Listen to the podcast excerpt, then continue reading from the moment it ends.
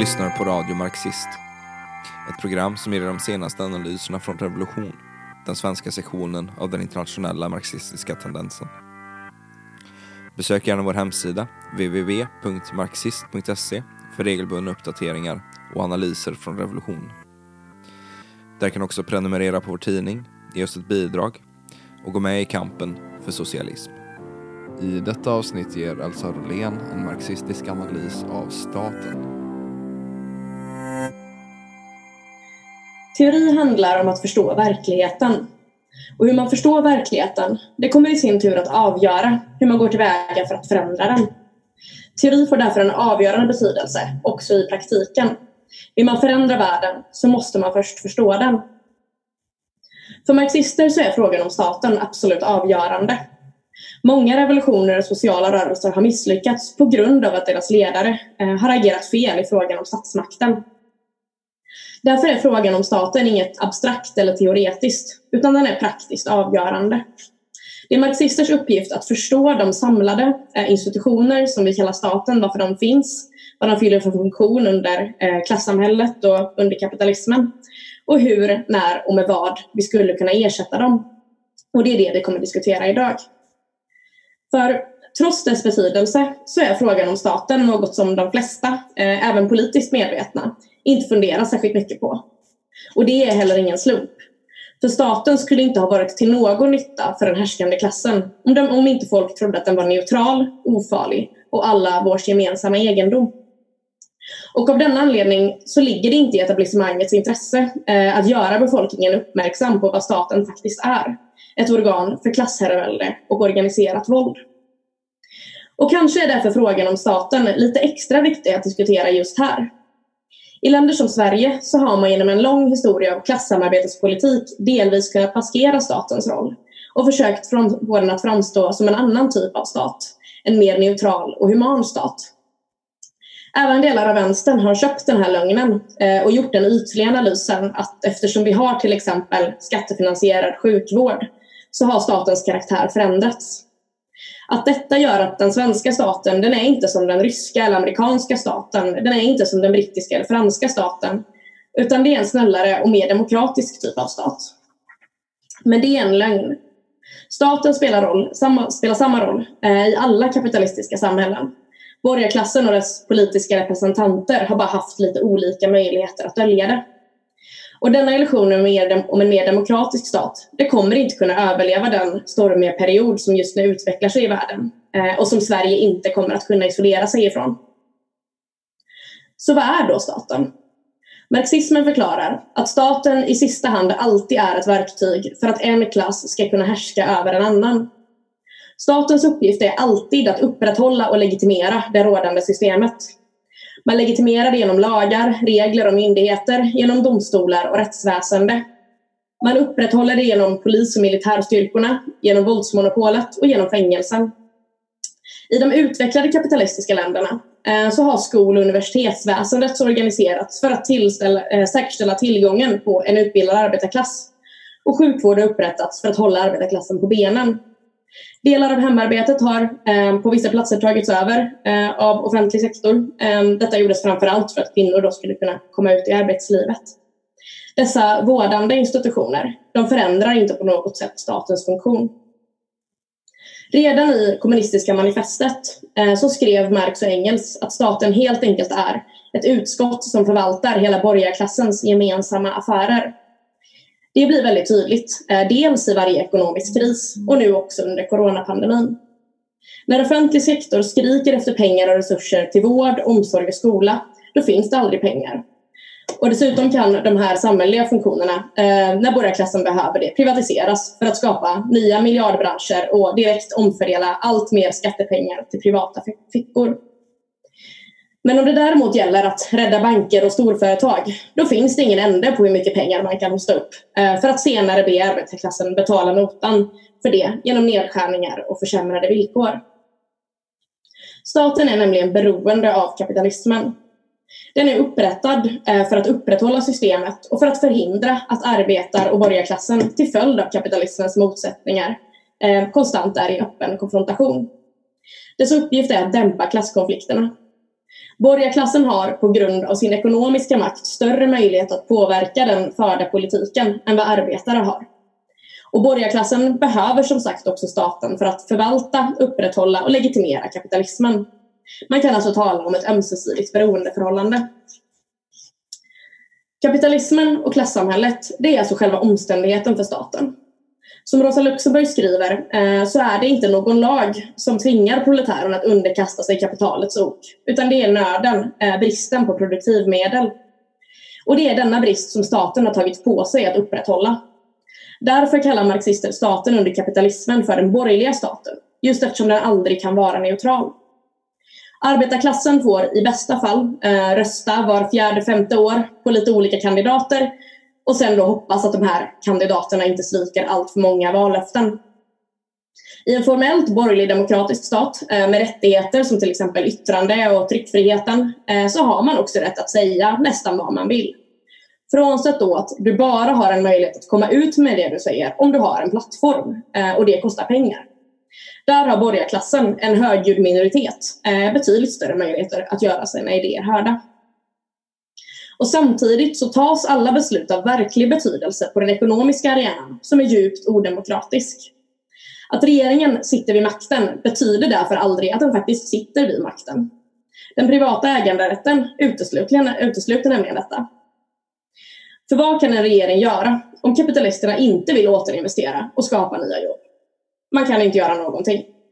Möjligtvis så kan man då driva en politik som är gynnsam för företagsklimatet med förhoppning om att kapitalisterna ska vilja investera. Men det betyder samtidigt att man på grund av konflikten mellan arbete och kapital kommer behöva attackera arbetarnas rättigheter. Har regeringen sedan någon möjlighet att bestämma vad kapitalisterna ska investera i? Nej, det har man överhuvudtaget inte. Under kapitalismen så är det inte ens i en demokrati folkets sak att bestämma vad vi vill producera eller vad vi vill jobba med. Så även om den demokratiska principen lyder en människa, en röst, så bestäms möjligheten till ekonomiskt inflytande enligt principen en krona, en röst. Ett fåtal bankirers och kapitalisters intressen väger således mycket tyngre än miljontals människors röster i ett val. Även i sin mest demokratiska form innebär alltså kapitalismen en diktatur under en enda klass, den klass som kontrollerar ekonomin. Och som Lenin förklarar så är politik bara koncentrerad ekonomi. Genom staten så blir borgarklassen också den politiskt härskande klassen. Och det här har genom alla klassamhällen varit statens roll. Det är därför staten till att börja med uppstod. Som Esaias förklarade i förra veckan så har vi majoriteten av mänsklighetens historia levt i klasslösa, statslösa samhällen. För att försvara stammen och dess gemensamma egendom så kunde våld användas. Men det utövades av personer eh, från stammen och inte av någon särskild styrka. Det var först i och med klassamhällets utveckling som det började behövas särskilda beväpnade styrkor för att försvara de rikas privategendom. Staten är ingen påhittad makt som påtvingats utifrån, utan den är alltså en produkt av samhället självt. Den utgör ett erkännande av att klassamhället har utvecklats så pass och lett till sådana splittringar att man behöver ett system för att med våld upprätthålla det. Staten har alltid en viss apparat eh, som har skilt sig från samhället. En grupp människor som har höjt sig över samhället. Dessa statens företrädare eh, vars uppgift är att styra. Samhället delas på så vis upp i de som styr eh, och de som inte styr.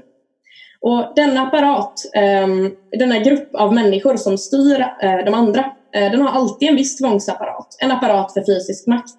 En våldsapparat eh, till sitt förfogande för att göra sin vilja gällande. Och när jag säger med våld, eh, då menar jag våldsmonopolet. Med polis och militär som har rätt att bära vapen och utöva våld utan att straffas för det. Våldsmonopolet förverkligas genom batonger, polisskjutningar, frihetsberövanden och i många länder dödsstraff. Och grejen med våldsmonopolets makt, eh, det är att våldet inte ens behöver realiseras, utan det räcker oftast med ett hot om våld. Det enda som i slutändan gör att lagar, regler och förordningar accepteras, det är att de har trupper av beväpnade män bakom sig. Liberaler talar ibland om att de vill ha en så liten stat som möjligt. Det är en lögn. Ett klassamhälle kräver en stark stat med polis och militär för att upprätthållas. Svaga stater kollapsar enkelt. Så i och med, de här, eh, i och med staten och de här gemensamma lagarna eh, och förordningarna som ska gälla för alla eh, så ska det alltså verka som att en rättvisa råder. Men samtidigt så är det precis som den franska författaren Anatole France en gång skrev. Lagen är lika för alla och förbjuder såväl rika som fattiga att sova under broarna, tigga på gatan och att stjäla bröd. Långt mycket tidigare så gjorde den eh, gamla greken Solon följande observation. Lagen fungerar som spindelns nät. Den fångar de små men slits sönder av de stora. Låt oss inte glömma häromåret när Panama-papperna kom fram eh, och avslöjade vad alla egentligen redan visste. Eh, att mer eller mindre alla jätterika människor gömmer obscena mängder pengar i skatteparadis. Ingen dömdes för det eftersom det inte är olagligt att undanhålla hundratals miljarder samtidigt som varenda liten småföretagare eller arbetare som deklarerar fel jagas av Skatteverket. Den enda egentliga konsekvensen var att journalisten som läckte det hela blev skjuten. Sådan är kapitalismen. Och detta gäller lika mycket i Sverige som någon annanstans. Som sagt så finns det utbrett i det svenska samhället illusioner eh, i staten som är kanske i världen unika. Det här beror på efterkrigstidens ekonomiska uppsving och klassamarbetet, eh, socialdemokratins nära på sammansmältning med staten, som kunnat skjuta upp klasskampen i några decennier. Men det är slut med det nu. Socialdemokratins och fackens ovilja eh, att bryta med kapitalismen har istället tvingat dem eh, att förvalta den, även eh, i kris. De har inte hotat kapitalismen utan istället gjort allt för att vinna kapitalets förtroende genom att försöka hålla det ekonomiska och politiska läget stabilt, inte beskatta kapital för hårt, inte tillgodose arbetarrörelsens krav i allt för hög utsträckning och så vidare. De har helt enkelt väldigt länge gjort allt som en borgerlig stat finns till för. Eh, och i en krisande kapitalistisk ekonomi så finns det inget utrymme för reformer. Så länge arbetarklassen inte har den politiska liksom ekonomiska makten över samhället så kan reformer alltid tas tillbaka och gör så eh, varje gång en kris slår till. Det är det som nedmonteringen av välfärdsstaten handlar om. Eller handlar om. Och är man som vänsterparti inte redo att bryta med kapitalismen, då måste man försvara den. Det är det som har lagt grunden för högervridningen i de socialdemokratiska partierna världen över och det är det som gör att de förlorar stöd. Ett uppbyggt förtroende tar tid att rasera, men det kan inte ta all tid i världen. Men som sagt så har den svenska arbetarklassen eh, fortfarande ett större förtroende för staten än, än kanske någon annanstans i världen, där staten ofta är förknippad med korruption och polisvåld. Detta beror på att Sverige inte haft utbredd klasskamp på länge. Men statens fula tryne lyser ofta igenom demokratins falska leende. Se bara på statens slappa förhållande till fascister eh, och hur domarna mot vänster och högervåld skiljer sig. Se bara på hur man behandlar asylsökande och ungdomar i förorten. Det är viktigt att förstå att de gummikulor och den tårgas som används mot ungdomar i förorten idag kommer att användas mot strejkande arbetare imorgon. Inskränkningen i strejkrätten är ingen slump eh, utan ett tecken på att också staten förbereder sig inför ökad klasskamp. Trots att vi var tidiga med du-reformen i Sverige Ehm, så är arbetare fortfarande arbetare och Wallenberg är fortfarande Wallenberg. Och när klasskampen ökar så kommer den demokratiska eh, masken allt mer att falla av. Så vilka slutsatser kan vi dra av detta? Det är att den borgerliga staten aldrig kommer att vara på arbetarklassens sida eller kunna användas för arbetarklassens syften. Staten med alla dess funktioner, myndigheter, institutioner och dess byråkrati är med tusen trådar knutna till kapitalismen. Kapitalismen ligger till grund för statens själva utformning. Det innebär inte att vi inte ska utnyttja eh, den formella demokratin så mycket det bara går. Den demokrati vi har i till exempel Sverige är under kapitalismen eh, det absolut bästa statsskicket för arbetarklassen. Vi har vissa medborgerliga rättigheter och vi har rösträtt. Men vi får inte heller glömma att även så grundläggande saker som rösträtten eh, vanns genom stenhård klasskamp och hot om revolution. Den gavs oss inte av några upplysta borgare eh, utan de var i själva verket emot rösträtten. Och vi får inte heller glömma att även den mest demokratiska borgerliga stat är byggd på förtryck och utsugning. Som Lenin skriver så är demokratin under kapitalismen inskränkt eh, och alltid begränsad till att vara en frihet för slavägarna. Vi ska därför utnyttja varje möjlighet som demokratin ger oss att organisera oss och öppet föra ut marxismens idéer. Men vi får inte heller ha några illusioner i den nuvarande demokratin. Även om ett revolutionärt parti skulle få majoritet i ett riksdagsval så vore det inte möjligt att bara gå in och påbörja det socialistiska samhällsbygget. Ingen härskande klass i historien har någonsin gett upp sina eh, privilegier utan en fight. Eh, och det hade inte heller kapitalistklassen gjort. De hade använt alla tillgängliga arsenal för att eh, krossa revolutionen och då inte minst statsmaskineriets och våldsmonopolets samlade resurser. Man ser redan förberedelser för detta.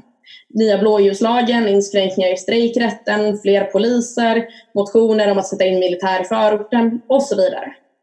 Staten och kapitalet har varit med förut. De förbereder sig för de strider som kommer. Slutsatsen som Marx, Engels, Lenin med flera eh, drar är därför väldigt tydlig. Staten kan inte förändras inifrån utan den måste krossas.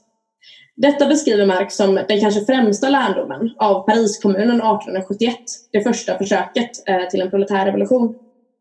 Paris arbetare tog över gatorna och styrde Paris i tre månader innan de krossades i kontrarevolutionen och tiotusentals människor mördades på bara några dagar. Att reaktionen kunde slå tillbaka så hårt, det berodde just på att man inte förstörde det gamla statsmaskineriet utan att hela det byråkratisk-militära skiktet eh, kunde dra sig tillbaka till Versailles och planera kontrarevolutionen i lugn och ro. Just denna insikt att man måste förstöra det gamla statsmaskineriet.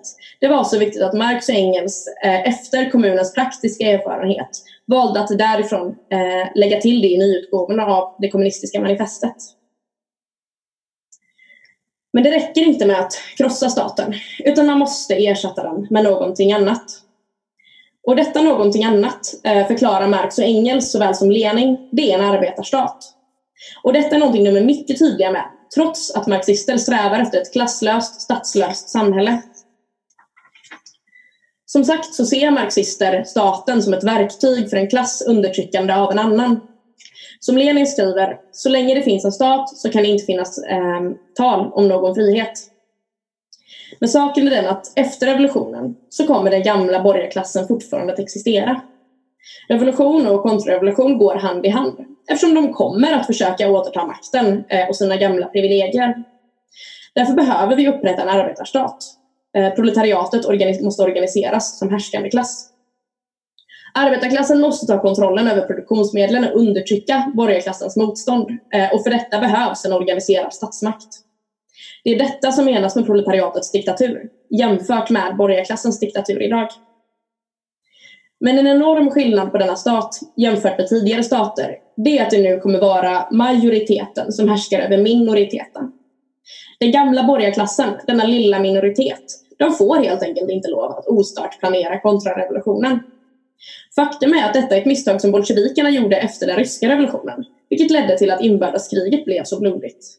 Hade arbetarstaten kontrollerat den gamla borgarklassen och aristokratin hårdare eh, så hade reaktionen inte kunnat slå tillbaka lika hårt. När marxister talar om proletariatets diktatur då menar man alltså arbetarklassen organiserad som härskande klass med både den politiska makten och demokratisk kontroll över ekonomin. Utifrån de konkreta erfarenheterna från Pariskommunen och Sovjetmakten i Ryssland innan den stalinistiska byråkratin eh, hade hunnit tillskansa sig makten Eh, utifrån detta kan man formulera några grundläggande villkor för hur en arbetarstat eh, kan organiseras. I en arbetarstat så krävs fria och demokratiska val och rätt eh, att återkalla alla valda funktionärer. Ingen ska sitta på ett mandat utan direkt kunna bytas ut om denne inte genomför de uppgifter som man beslutat, demokratiskt beslutat om. Valda funktionärer får inte heller ha högre lön än en yrkesutbildad arbetare den stående armén och polisen ska avskaffas och ersättas med det beväpnade folket. Uppdelningen mellan beslutsfattande och verkställande, mellan politiker och arbetare, suddas ut. De som fattar beslut, arbetarklassen, är också de som genomför dem. Och gradvis ska alla medborgare turas om att utföra alla administrativa uppgifter. Varenda kock ska kunna bli statsminister. För när alla turas om att vara byråkrater, då kan ingen bli byråkrat. Dessa villkor är inte utformade för en fullt utvecklad socialism eller kommunism, utan för den allra första perioden efter revolutionen, för perioden av övergång mellan kapitalism och socialism. Dessa låg också eh, grund för bolsjevikernas partiprogram 1919. Som ni hör så är det enorm skillnad på dessa premisser och den totalitära monstruösa stat som senare utvecklades när revolutionen isolerades och den politiska kontrarevolutionen tog makten från arbetarna. Sovjetunionen nådde aldrig socialism. Socialismen måste vara demokratisk, annars är det inte socialism. Socialismen är bara möjlig att nå genom arbetarklassens aktiva och medvetna deltagande i styrandet av samhället. Och det är också detta vi ser i varje revolution. Hur arbetare tar kontrollen över sitt eget arbete och lär sig att de är förmögna att utöva makt. Och hur detta också förändrar hur de ser på sina egna liv. Hur de smidigt och utan kontroll ovanifrån gemensamt löser eh, alla möjliga frågor och tar alla möjliga initiativ. Så Marx skrev Arbetarklassens frigörelse måste erövras av arbetarklassen själv. Det, och det här är någonting helt annat än ett demokratiskt system där, där politik är synonymt med att människor röstar var fjärde år och däremellan inte har något politiskt inflytande. Istället så ser man det som den ryska revolutionären Trotskij kallade för massans inträde på den politiska scenen. Människor utan makt blir genom en revolution människor med makt. Vi kommer att få tillfälle att diskutera vad som hände med Sovjetstaten på senare möten. Men på grund eh, av urartningen eh, som skedde där eh, så har en del dragit slutsatsen att det hade just med upprättandet av den nya staten att göra. Men detta är felaktigt. Urartningen i Sovjetunionen berodde på att revolutionen isolerades i ett ekonomiskt underutvecklat land. Men att revolutionen överhuvudtaget segrade, det beror avgörande på att man bildade en arbetarstat. Hade man inte gjort det så hade den vita sidan utan tvivel segrat och resultatet hade blivit militärdiktatur eller någon slags rysk fascism. Alternativet, vad som händer om man inte bildar en ny makt, det visas också av erfarenheterna eh, från den spanska revolutionen. 1936 så reste sig, arbet reste sig arbetarna i Barcelona, ledda av anarkisterna, och krossade fascisterna som då förberedde sig för att ansluta sig till Francos uppror Arbetarna tog makten, fabrikerna ockuperades under arbetarkontroll och den enda maktfaktorn i Barcelona var anarkisterna i CNTS och Vänsterpartiet POMs eh, beväpnade miliser. Makten låg alltså på gatorna, vilket också erkändes av nationalisternas ledare. Han bjöd in anarkisternas ledare till sitt kontor och sa ungefär Ni har uppenbarligen tagit makten. Ni borde tillsätta regering. Anarkistledarna vägrade dock göra detta eftersom de var motståndare till all typ av stat. Att en katalansk arbetarregering inte bildades, det var ett ödesdigert misstag. Med stalinisternas hjälp så återupprättade borgarklassen den gamla staten på bara några månader och i maj 1937 så krossades Barcelonas arbetarklass och 40 år av diktatur inleddes. Lärdomarna från den spanska revolutionen den sammanfattas nästan bäst med ett citat från Trotskij eh, redan 20 år tidigare om vad man ska göra efter att revolutionen segrat, kapitalisterna exproprierats och det gamla statsmaskineriet krossats. Han skriver Borgarklassen säger Rör inte statsmakten, den är de bildade klassernas okränkbara privilegium. Anarkisterna säger Rör den inte, den är en uppfinning från helvetet, en djävulsk apparat, ha inte med den att göra. Borgarklassen säger Rör den inte, den är helig. Anarkisterna säger Rör den inte, det är en synd. Båda säger Rör den inte.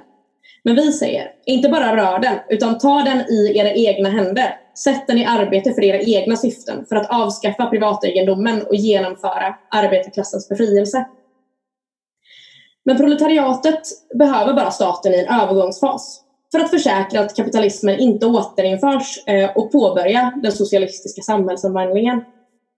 Men denna stat, den kommer som sagt, den kommer inte likna någon annan stat i historien. En statsapparat som representerar den överväldigande majoriteten av befolkningen behöver varken en enorm stående armé eller mängder av poliser.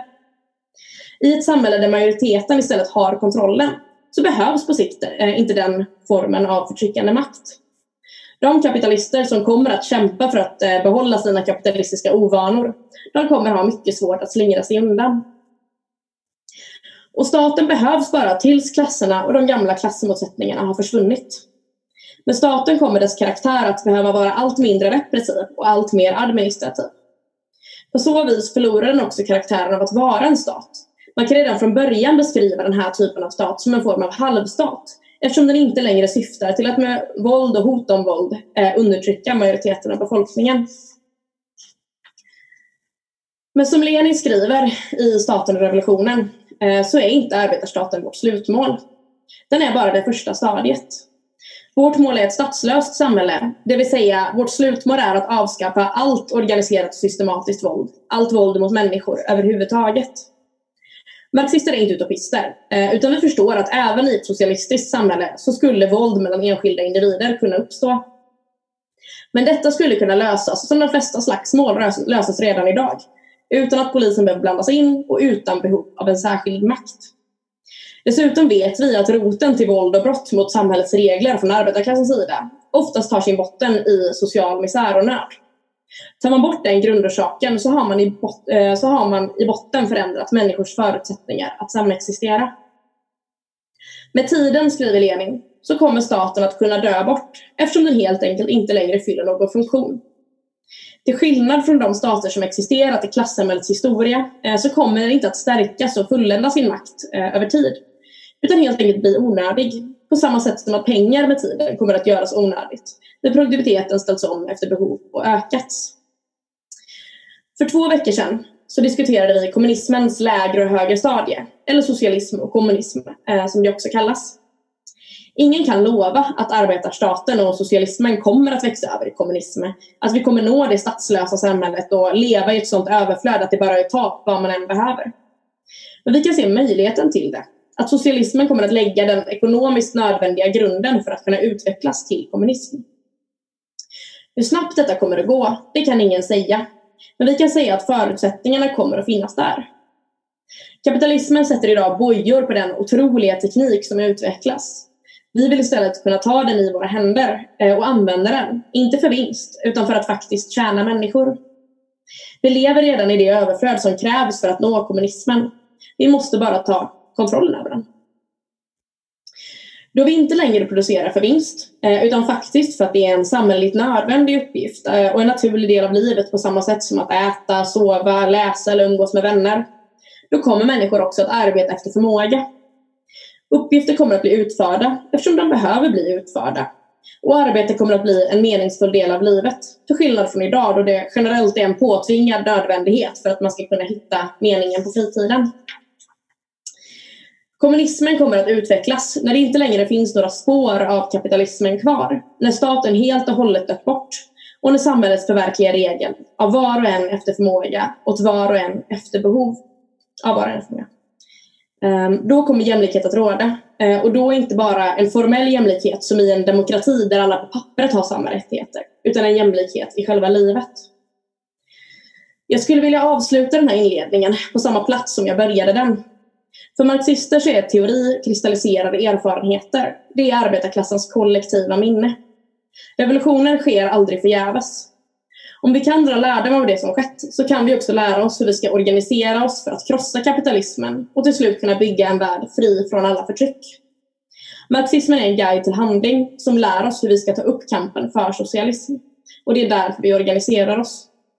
Coronapandemin har utlöst kapitalismens svåraste kris någonsin återspeglar på djupet att kapitalismen har nått in i en återvändsgränd. Och med den så har också arbetarrörelsens reformistiska ledning gjort det. Eftersom vänstern saknar en revolutionär ledning så står vi inför en utdragen process av klasskamp där ingen sida är stark nog att vinna. Och det är här vi kommer in. Vi behöver idag, här och nu, bygga det lager av skolade marxister som kommer att kunna föra in marxismens idéer i de rörelser som kommer att komma för att äntligen kunna avskaffa kapitalismen. Om du håller med om det som har sagts idag så uppmanar jag dig och alla här att organisera sig med oss i Revolution och IMT. Som Marx och Engels skrev så har vi ingenting att förlora utom våra bojor. Vi har en värld att vinna.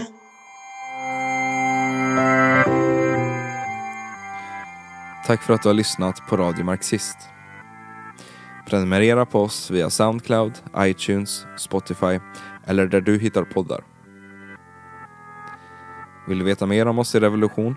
Gå gärna in på vår hemsida www.marxist.se där du kan ta en prenumeration på vår tidning, ge oss ett bidrag eller gå med oss i kampen för socialism.